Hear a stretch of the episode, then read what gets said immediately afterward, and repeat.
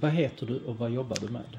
Mitt namn är Martin Törnqvist och jag driver musikbolaget Songs I Wish I'd Written som är en av, ett av medlemsbolagen i musikorganisationen The Swedish Models med sju svenska indiebolag som eh, förespråkar en lite mer positiv attityd till framtiden än vad många av våra kollegor gör. Vad är på plats fyra på din lista över de mest intressanta sajterna och trenderna på nätet just nu? Min fjärde plats är en sajt som heter hypebot.com, vilket jag tycker är den enda sajten man behöver för att uh, ha koll på vad som händer i musikbusinessvärlden just nu. Otroligt bra uppdatering. Och poängen med att följa den är att jag är övertygad om att det som händer i musikbranschen är intressant för, för många andra branscher, media, film, litteratur uh, väldigt många andra branscher som kommer gå samma digitaliserbara distributionsformsutveckling som, som våra branscher. Så håll koll på den och bli inspirerad. Gör inte om samma misstag som vår bransch har gjort.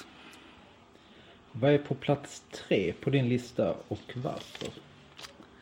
Um, nummer tre på min lista är uh, begreppet aggregera mera. Jag tror att det är viktigt att ehm, samla ihop informationen om sig själv till, på ett ställe. Det vill säga på sin egna hemsida. Eller sin officiella webbsida kanske man ska kalla det. Eh, och eh, jag tror att det är viktigt för att då har man en möjlighet att, att göra någonting om sig själv som är bättre än någon annan kan göra. Eh, och ehm, man kan också äga diskussionen och, och låta fansen hjälpa en att bli bättre än någon annan på att samla in information om sig själv.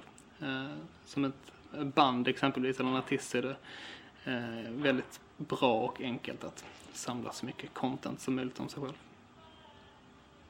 Vad är på plats två?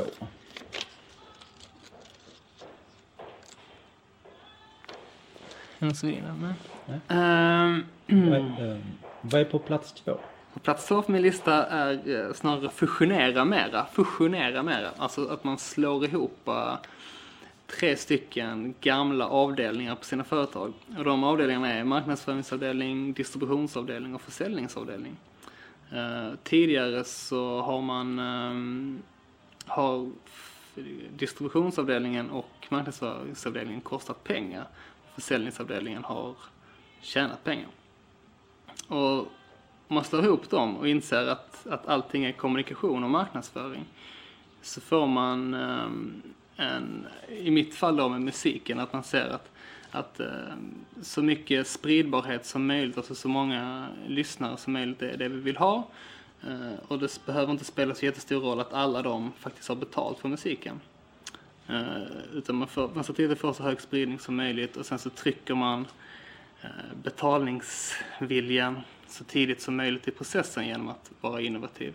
Eh, och de 9000 exempelvis av de 1000, 10 000 lyssnarna man hade eh, ser man som marknadsföring.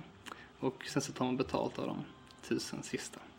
Eh, det får konsekvens att man måste ha ett lite annorlunda mindset än vad man har nu där man måste sluta moralpredika om att, att alla måste betala för sig hela tiden på plats ett.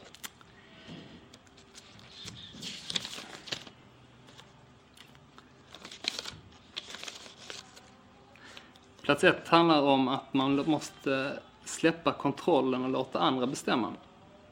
Det vill säga att, att mitt uppdrag som, som musikbolag i det här fallet är att eh, leverera material till så många olika kanaler som möjligt och sen eh, låta det vara upp till användaren att bestämma hur han eller hon vill konsumera det.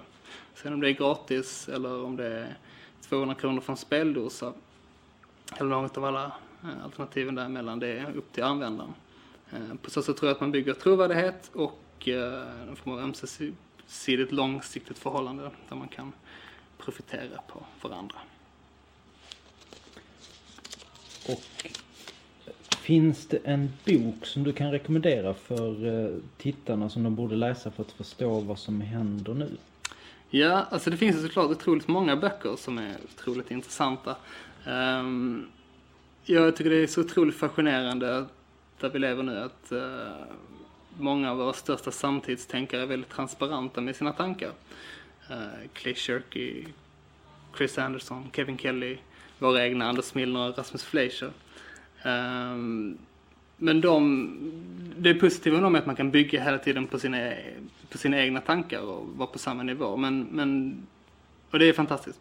Ehm, men jag blev så otroligt glad häromdagen när jag läste en bok som heter När kartan förändrar affärslandskapet av en kille som heter Richard Norman eller Rickard Norman, jag vet inte ens svensk. Ehm, och han säger samma saker som, som jag gör och som, som många av de som jag nämnde innan gör. Fast han gör det från ett helt annat perspektiv, eller ett lite annat perspektiv i alla fall. Han, han är ekonom med, med organisationsinriktning. Och det är otroligt tillfredsställande att få andra termer på sina egna tankar. Eh, så den rekommenderar jag varmt. Tack.